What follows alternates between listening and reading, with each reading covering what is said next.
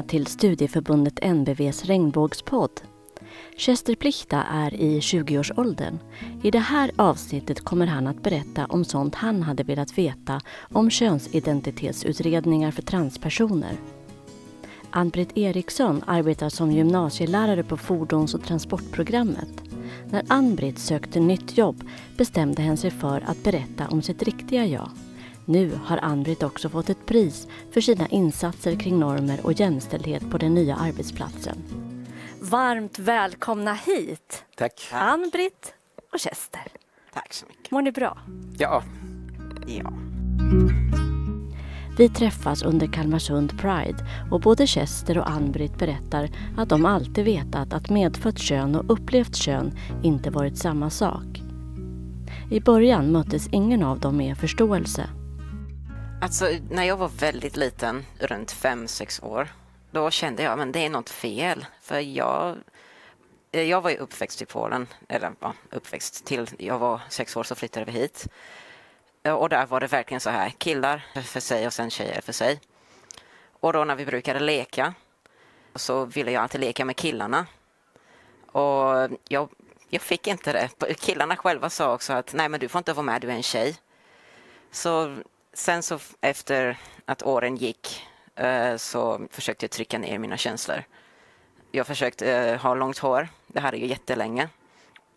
Och försökte klä mig lite mer tjejigt men det funkade bara inte. Så för ungefär sex år sedan nu, kanske fem, någonstans där så gick jag ut och sa att nej, det, jag kan inte. Jag är en kille, jag kan inte, jag måste göra någonting åt det. Innan så, eh, jag visste inte ens vad, vad det var med mig själv så jag började söka lite på internet och då sa jag, ja men det där, det där, det, det känner jag till, jag känner likadant. Men vetskapen i dig fanns redan vid femårsåldern kan man säga. Ja, ja, ja. väldigt tidigt. Har du också några tidiga upplevelser? Jo, men det, ja. det har jag. Eh, det finns ju många sådana där tankar man har. Jag vet, eh, när man var och skulle handla kläder till exempel, man var liten, man fick ju följa med och det fanns en second hand här faktiskt i Kalmar, jag tror den hette Astro om jag inte minns fel. Eh, och man skulle in där och handla, man kom in, det fanns mycket trevligt och fint alltså att titta på och det gick man liksom förbi för att eh, det var inte min avdelning då. Va? Och jag vet jag hittade, jag fick ta på ett par fula bruna manchesterbyxor. Och jag tänkte, ska jag ändå hata kläderna så kan jag ändå ta ett par som är riktigt fula. Så de där, ja, det blev de och de. Jag bodde väl nästan i dem så att säga. Det blev som en motreaktion nästan på ja, vad precis. du egentligen hade velat ja, ha. Ja, ja precis. Mm. Men så var det. Så var det. Och sen vet jag ju även när man, eh, vi hade ju en skolgård när man gick på småskolan då. Vi hade, ja, det var alltså en liten byggnad, den är utbyggd idag till större. Men eh, då gick ju alltid lärarna, det var jag fanns ju alltid lärare på rasterna och då gick alltid läraren runt. Och där gick liksom alltid tjejerna med då. Eh, de gick i en rad allihopa på bredden och så gick de runt skolan. hela Och jag tyckte det där såg så trevligt ut och jag tänkte jag försöker komma med där. Eh, jag fick inte det eh, det var liksom, eh, det var stopp. Men jag lyckades få komma med en gång och det, den känslan den stannar kvar så att säga. Längtan efter att få vara sig själv har alltid funnits smärtsamt närvarande hos både Chester och Ann-Britt.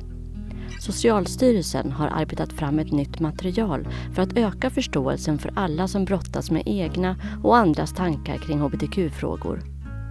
Det är väl dokumenterat att den som bryter mot en majoritetsnorm kan behöva kämpa både med egna och andras föreställningar, vilket kan leda till både stress och dåligt mående. Det började med att jag i skolan började få så här jättehjärtklappning och jag hade svårt att andas så vi försökte gå och undersöka det.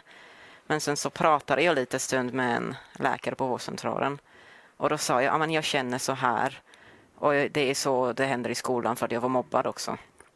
Så vi, det började med att vi pratade, sen så skickade hon remiss till BUP för att jag var under 18 då. Så därifrån gick det, så vi skickade remiss till eh, Malmö. Ehm, det är könsidentitetsteamet, men liksom, det första steget man måste ta för att ta sig till Malmö det är att gå till någon vårdcentral och prata och få remiss till någon psykolog. Du, du har ju eh, nämnt till mig när vi har pratat lite tidigare mm. om att du, du känner att det är så mycket du hade velat veta. Ja. Va, vad är det du hade velat få information om? För det första att det är vanligt. Att det är inte något så här... Det är något konstigt med det. Mm. Att det är jättemånga personer som känner så. Det tycker jag var jätteviktigt. Och sen, liksom, jag tycker det var jätteviktigt att veta hur man tar sig till det här. Hur man börjar själva utredningen. Det är ingen som säger, man säger bara, men, gå dit. Gå dit bara till könsidentitetsteamet så är det klart. Men det är en, en väg innan det. Så det vill jag att... Och det är liksom till exempel att kom, gå till en vårdcentral ja. eller till, kan man gå till skolsköterskan eller? Kuratorn tror jag man Kuratorn kan är bättre. gå till. Ja. Jag vet inte för jag har inte fått så mycket stöd från skolan så. när jag har berättat det här för. Så ja, just där jag gick så var det inte någon kunskap känns det som. Och började det redan på låg och mellan eh, högstadiet? Var det någon skillnad?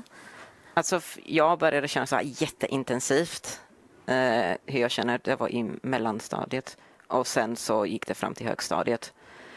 Så, och det var ju på högstadiet det blev som mest. Jag försökte söka hjälp. Men det, alltså det fanns inte tyvärr. Mm. Um, rektorn eh, brydde sig inte och det var, ja, det var ju, tyvärr så blev det som det blev. Chester är långt ifrån ensam om sin upplevelse av att bli mött med okunskap. Enligt en färsk kvalitativ intervjustudie från Folkhälsomyndigheten upplever många transpersoner att de lider brist på socialt stöd, att de bemöts negativt och att det saknas kunskaper både i samhället i stort och i skolan. Men Ann-Britt har fått Kalmarsundförbundets jämställdhetspris för sitt arbete kring just normer i skolan. I motiveringen till priset står det att Ann-Britt varje dag påminner både elever och vuxna hur de ska bemöta varandra på ett inkluderande sätt. Jag tror, och nu tror jag lite grann, att eh, eh, min arbetsplats besitter ganska mycket kunskap innan det, inom detta området. Och jag hoppas att jag har bidragit en liten del till att fylla på det förrådet med. I juryns motivering står det också att Ann-Britt får priset för sitt värdefulla och brinnande engagemang i värdegrundsfrågor, rätten att få vara sig själv samt hur normativa föreställningar kring genus ständigt behöver utmanas. En fantastisk lärare och medarbetare som lyfter olika värdegrundsfrågor naturligt i sitt vardagliga undervisningsarbete. Ann-Britt har bland annat initierat ett projekt som går ut på att fordonsprogrammets elever tillsammans med teaterelever på en annan skola gör rollspel om kundbemötande för att de blivande fordonsteknikerna ska kunna möta alla slags kunder. Ann-Britt månar också mycket om eleverna på fordons och transportprogrammet och hur man bemöter dem. Hen opponerar sig exempelvis mot begreppet grabbar som ofta sätts i relation till eleverna på programmet. Ja, eh, just grabbar är väl inget annat ord vi brukar använda, utan jag brukar säga elever istället. Eh, just grabbar, eh, eller grabbkultur överhuvudtaget, att man är grabbig, det är väl ett gammalt, tror jag, ehm, ehm, en gammal föreställning att eh, det är grabbiga grabbar i verkstaden, det är de som tar hand om bilen, går ner till grabbarna där och så vidare. Eh, det är den motsatta fördomen. Ja, precis. Ja. Och det eh, är väl en sak som jag försöker vara ganska tydlig med. Vi pratar inte grabbar, vi pratar elever. Och eh, sen om det är tjejer eller killar eller vad som helst, det, det är ju egentligen helt ointressant för det är inte det vi ska göra utan vi ska se till att de blir eh, fordonstekniker och att de blir bra fordonstekniker. Underbar. Det är ju så att säga vårat, det är vårat mål, så ja. det är där vi fokuserar. Det är väl ganska viktigt att man tänker så här att fördomar finns överallt om alla alla människor så att mm. säga och vi kan ha föreställningar. Hur är det att jobba i, tycker du i den, i, på just fordonsprogrammet med just de här frågorna om vi säger så? Nu är jag ju ganska tydlig redan från dag ett egentligen med eleverna att eh, vi har en vi har ordningsregler, vi betonar allas lika värde. Eh, och dessutom så står det faktiskt i skollagen att undervisningen ska bedrivas, alltså det ska inte vara någon inriktning på religion eller kön eller läggningar och så vidare. Kan man säga i korta drag att det funkar bra? Eh, ja, jag hoppas det. Ja, vad, vad undervisar du i? Eh, jag undervisar i fordonsämne. Det är ju normalt sett eh, har varit ett väldigt mansdominerat yrke. Mm. Eh, man har ju sett en svängning idag lite grann. Det börjar komma in lite tjejer och Eh, jag tror på transportsidan är det tydligen mer gensvar på tjejer idag. Mm. Eh, om vi fokuserar bara på killar och tjejer då så att säga. Ja, eh, och det kanske vi inte ska göra bara. Nej, övriga har jag inte sett än. Och jag tänkte lite det, det som du berättade att det kanske är som så att jag tänker mig att mycket av den här, många elever som då far illa, lider på något sätt. Jag tror det finns ett stort mörkertal. Jag tror det är mycket vi inte ser. Många vågar säkert inte gå i, söka upp hjälp och säga att jag mår inte bra. Både Chester och Ann-Britt är nu inne i sina könsidentitetsutredningar på väg åt det håll de vill. Båda upplever att den vård de har fått varit bra. Utredningarna är omfattande och noggranna och de är överens om att det är viktigt att processen får ta sin tid. Ja, alltså, jag tycker de gör ett underbart jobb där, för det är nere i Malmö som jag har varit. Liksom de, det tar sin tid, men det är verkligen värt det de tar det långsamt för att vara säkra att det är det här de behöver. Man gör som sagt en hel liksom, nästan karta på en person för att man ska veta att det är verkligen det den behöver och när det är det, då, då är det verkligen det är liksom värt att vänta och det är värt att också tänka Alltså man måste tänka att det tar sin tid för att de gör jättestort jobb. Så din upplevelse är att det här är verkligen ingenting som, som man gör i en handvändning utan det Nej. tar lång tid, det är en noggrann genomgång och, och man får liksom vara med i hela den processen själv. Jag kan säga att jag hade tur för att jag blev inkallad på mitt första samtal efter första remissen typ ungefär sex månader efter. Så jag hade ändå en tur. Mm. Men eh, på början av min resa så var jag fortfarande osäker om det är det här jag behöver. Men liksom när tiden går då blir man mer säker och det, det, det behövs att det tar den tiden. Mm. Det behövs. Vad upplever du? Finns det bra hjälp att få? Ja, alltså jag har ju sökt den här, det är ju ett och ett halvt år sedan man kommer till en så småningom till ett könsutredningsteam och de gör ett ordentligt arbete och de gör en ordentlig kartläggning. Eh, och sen så tar det tid. Jag har ju själv väntat ett och ett halvt år. Jag har kommit till ett samtal så att det är en lång process. Nu hoppas jag att ungdomarnas processer går fortare för att eh, jag har ju ändå väntat 40 år innan jag började fundera på detta så att säga. Sen tycker jag också det att just när det gäller vård för ungdomar, eh, man får aldrig man måste tänka på att ungdomar måste ha tillgång till vård. Egentligen oavsett vad det är som gör att man inte mår bra så tänker jag att vård för unga får aldrig inskränkas oavsett vad det gäller. Om vi breddar perspektivet att det inte bara är könsdysfori utan oavsett vad det gäller så måste det finnas hjälp mm. och den får aldrig inskränkas. Det enda jag kan tänka på att uh, det finns i Stockholm och i Malmö och jag tror också i i Linköping. Ja. Jag önskar att det fanns något sånt här här på plats så att man inte behöver åka. Så jag hoppas verkligen att det, det kommer någon, någon dag. Att det finns mer ställen man kan söka till för då blir kön också kortare. Nu är det lång kö för att det är också väldigt många fler som nu när man på något vis har stigmat är borttaget, man börjar, lag, lagändringar har eh, skett och man börjar få mer kunskap och förståelse om transidentitet så är det ju också så oerhört många fler som, som, som tar det här steget och, mm. och säger, berättar vem de egentligen är.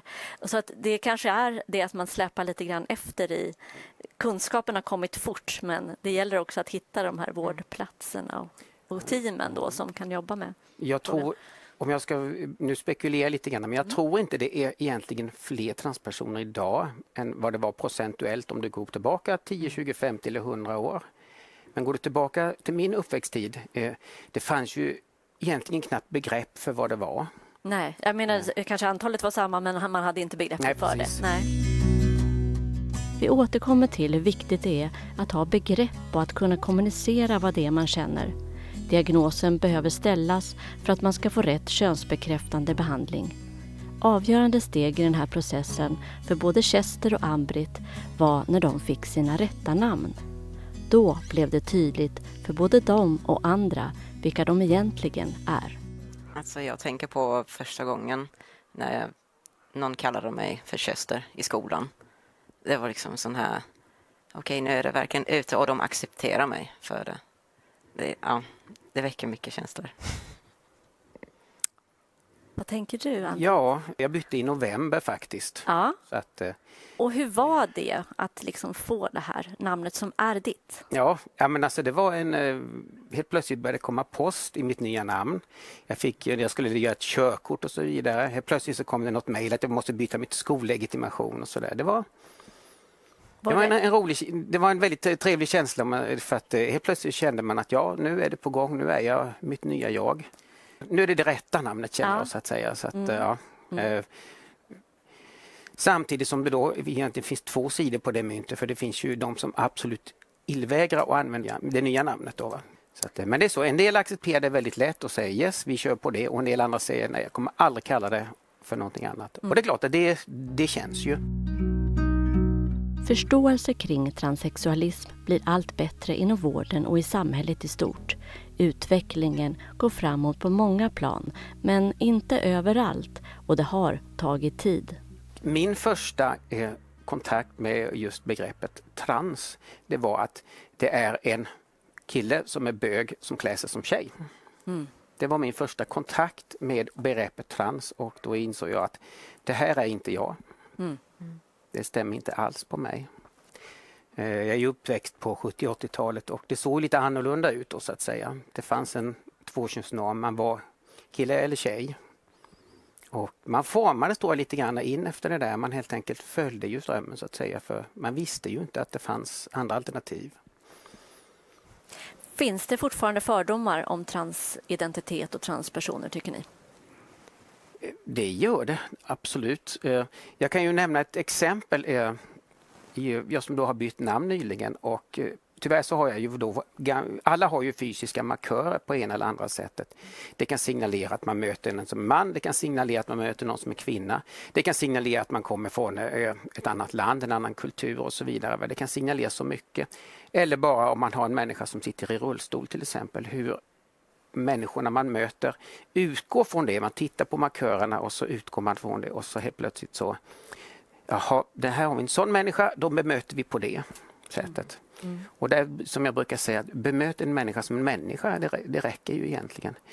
Men eh, ibland så åker man och handlar då åt företaget och så här och eh, så kan man då, står man över kassan och det ska då gå på eh, företaget och det har ju konto och så vidare. Ja. Och så en referens, Ann-Britt säger jag. Då brukar de titta upp och så säger de, ja men hon måste vara med. Ja, säger jag, lyfter upp min legitimation. Hon är med. Och då får man alltid, oj. Och då ser man att du får en tankeställare. Och min, min, min kollega tycker det här är lika roligt varje gång. Så att, jag vet inte, det var lite kul i början. Nu börjar man på att bli lite sådär. Det kanske inte är riktigt lika kul. Nej. Nej, Men där ser man att eh, man tittar på någon, man förutsätter att det här är det och så utgår man från det och så kanske jag stjälper det där lite grann. Frågan är hur man ska hantera omvärldens okunskap så att man slipper må dåligt. Det kan vara jobbigt om man ständigt behöver förklara och försvara sig.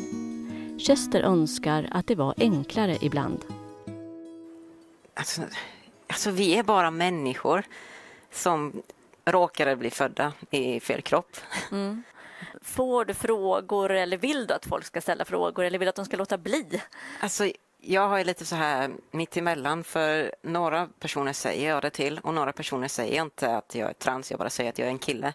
För jag, jag har fortfarande den här rädslan i mig att eh, de kommer liksom bete sig annorlunda om jag säger det och de kommer börja ställa frågor. Det har hänt så att de börjar ställa liksom obekväma frågor om ja, det kan...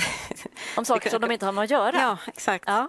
Man bör fråga innan om man får fråga. Men sen så får man väl kanske tänka på vilka frågor ställer man till vem som helst. Vilka Ja, jag frågor, tror inte någon skulle gå fram till dig. Ja, men hur har du sex? Till exempel, ett väldigt bra exempel. Att man alltid ställde sig den frågan, vilka frågor är okej? Mm. Men det är inte bara andras bemötande som är problematiskt. Ibland står också de egna rädslorna i vägen för ens möjligheter att våga vara sig själv.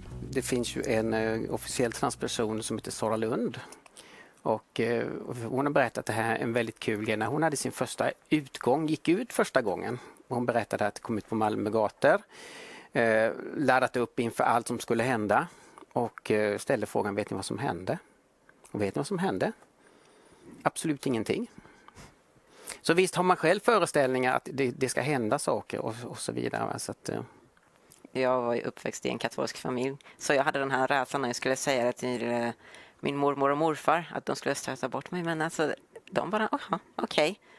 Men vad, vad, vad heter han nu då? Och så började de kalla mig namnet direkt. Så det var en sån här skön upplevelse. Sen så ehm, finns det också personer som inte vill kalla mig för han. Så det finns ju både och upplevelser för mig. Ja, Men i familjen, då var det så här att de, okej, men vi älskar dig ändå. Så ska vi bara fortsätta livet nu? eller? Det är ju väldigt skönt, för då hade du kanske gått med rädslor som... Ja, Som du inte hade särskilt för att de behövt är så här riktigt troende. Chesters familj och många andra med polsk bakgrund är bekymrade över utvecklingen i Polen. Där finns numera hbtq-fria zoner. Den sittande presidenten Andrzej Duda anser att hbtq är en farlig ideologi och han jämför den med kommunismen. Konservativa krafter i Polen vill även ta bort sexualundervisningen i skolorna och andra rättigheter som abort och skilsmässa. Flera hbtq-aktivister vittnar om att våldet och kränkningarna mot hbtq-personer ökar i Polen. Det är hemskt. Mm. Min familj bor ju där. Det är bara ja, som mormor och morfar, de bor ju där. Men jag vågar inte besöka dem längre. Jag vågar inte för jag, är- jag är så himla rädd att gå på gatan. Eh, det händer våldsamma saker på den också tyvärr. Att folk attackerar dem nu. Det var ett eh, par som försökte få in en bomb på en eh, Pride-parad. De blev stoppade som tur men jag hoppas att liksom folk börjar se det mer och mer så att det blir mer motstånd från andra länder också för det ver- verkligen behövs. För Polen jag. sticker ju ändå ut, va? Mhm. Eller är det inte en upplevelse som ni har, att det går ändå mer åt rätt håll i Sverige? mm. Ja, I Sverige går det framåt, där Ja. går det bakåt. Ja. Verkligen, verkligen bakåt. Och det är en stor skillnad som ni kan, ja, två steg fram och ett steg bak. även i Sverige. Ja. Mm. Eh, Vad, vad, vad tänker du där? Jag tänker lite, det, det, finns ju alltså, det finns ju krafter också som är anti-hbtq i Sverige. Jag menar man lyckas så få till eh, bestämmelser att man inte får hissa flaggor på kommunhus och sådana här saker. Va? Så att, eh, det finns ju motkrafter även här. Mm. Så det är två steg fram och ett steg bak och det, jag tror det är nog som med allting. Ett steg fram och två bak. Men Chester och Ann-Britt vill verkligen uppmana människor att våga visa sig själva och söka stöd och hjälp. Även om det är jobbigt på många sätt. För det första så skulle jag försöka och vad säga, att det kommer vara tufft. För att ja, det kommer det vara. Folk som bör, kommer börja nu, det kommer vara tufft på början. Men alltså, man måste bara fortsätta framåt. Man måste verkligen, jag vet att det är jättemånga som säger det, bara fortsätt och gå framåt, det kommer att bli bättre. Men alltså, det kommer bli bättre på ett eller annat sätt. Jag har varit bara liksom skin and bones. Det har varit också så att jag har bara lig- legat i sängen. För jag orkar inte all- med allt det här skit om jag får säga så. Men titta på mig, jag står ju här nu. Så det kommer bli bättre. Jag vet att det är många som säger det, men bara tro på det. Det är det jag har att säga. Jag tror att det, känns som att det är så att eh, när man kommer upp till någonstans 40, någonstans som det var för min del, då slutar man bry sig. Och jag tror att det var mycket det man gjorde när man var ung. Du får rätta mig om jag har fel, men jag tror att man eh, vad ska andra säga? Vad ska andra tycka? Och man vågar inte. Och det är inte bara vad ska andra tycka? Vad ska de tycka om en i skolan? Vad ska de tycka om en föräldrar, morföräldrar och så vidare. Man, eh, jag tror inte man vågar riktigt det. Och sen kommer man, man lever sitt liv och så vidare och det händer saker och till sist så kommer man till det att nej, eh, nu går det inte längre. Och då ställer man sig frågan, vad händer om jag är mig själv? Och så tänker man, nej jag skiter i det, nu är jag mig själv. Alltså, jag tänker också så att när man är ung så är man, man måste ha sina föräldrar för att man har inget jobb då. Man, man kan inte göra någonting själv, tyvärr. Så man är fortfarande, man har den här rädslan, ah, men tänk om de slänger ut mig hemifrån. Tänk om jag blir hemlös. Det finns ju sådana fall att det händer. Så man har ju också det i baktanken samtidigt när man bråkar med det här, vem man är. Men att hur- om, om jag säger att jag är den personen och de inte accepterar det, vad ska jag göra då? man är rädd för det man har att förlora på något Mm. sätt. Men hur har det blivit för dig? För mig som tur var så, så var det inte så. Ehm, min mamma accepterade och hon försökte få hjälp för mig direkt. Så det var helt underbart. Hon är helt underbar överhuvudtaget. Hon åker med mig till Malmö hela tiden på alla undersök, allting. Liksom, jag kan inte ha bett om en bättre mamma. Verkligen. Mm, Skönt ja, men det var ganska intressant att du säger att, att man sitter ju i en beroendeställning Mm. i de unga åren. Och det kan säkert också vara eh, något som påverkar. Att inte kunna vara sig själv och att hela tiden behöva spela en roll man inte känner sig hemma i kan till slut bli olidligt. Innan Ann-Britt visade sitt rätta jag bytte hen arbetsplats. Frågan var hur det skulle bli på den nya arbetsplatsen. Jag har ju under hela, eller stor del av mitt yrkesliv, jag har jobbat som fordonstekniker då i många år. Och det var ju på den banan som jag hamnade då på att eh, jag skulle byta jobb och så hamnade jag på lärare och så då blev det ju fordon då naturligtvis. Och eh, jag kan säga att jag har aldrig varit öppen under hela de åren med vem jag är. Utan jag har varit ganska macho själv faktiskt. Och på något sätt lyckats dölja det så att jag tror, jag tror inte det har skinit igenom. Är det så att man nästan tar en roll som blir ännu mer macho för att... Ja, Ja. det är många har jag förstått som gör det. Va? Eh, sen i samband med att jag då eh, började fundera på jobbyte och så kom också den här processen att jag måste göra någonting. Och faktiskt när jag sökte, började söka detta jobb så skickade jag faktiskt ett anonymt mejl från en eh, vanlig Yahoo-mail till arbetsplatsen där jag skulle fråga och så skrev jag Hej! Hur ställer ni er till transpersoner? Har ni transpersoner? Finns det några i personalen? Och jag fick ett ganska roligt svar. Nu kommer alla mina kollegor veta vem jag mejlade. Jag fick ett svar som sa ungefär att nej, det är en icke-fråga för oss. Vi anställer på kompetens. Det tycker jag var ett bra svar. Ja. Det var riktigt Så bra. eh, jag sökte jobb som och liksom var mig själv. Det funkade. Och det funkar än idag. Chester och Ann-Britt har mött positiva reaktioner där de inte trott att de skulle få dem. De har mött motgångar men är också övertygade om att det inte går att dölja sig själv. Det är nog många som känner igen sig i deras berättelser. Det skrivs också fler fiktiva berättelser nu av författare med liknande erfarenheter. Stadsbiblioteket i Kalmar tipsar om en bok som heter Om jag var din tjej av Meredith Russo som handlar om Amanda som föddes som Andrew. Också den berättelsen handlar om att våga vara öppen även om man kanske egentligen inte vågar och om att få stöd från oväntat håll.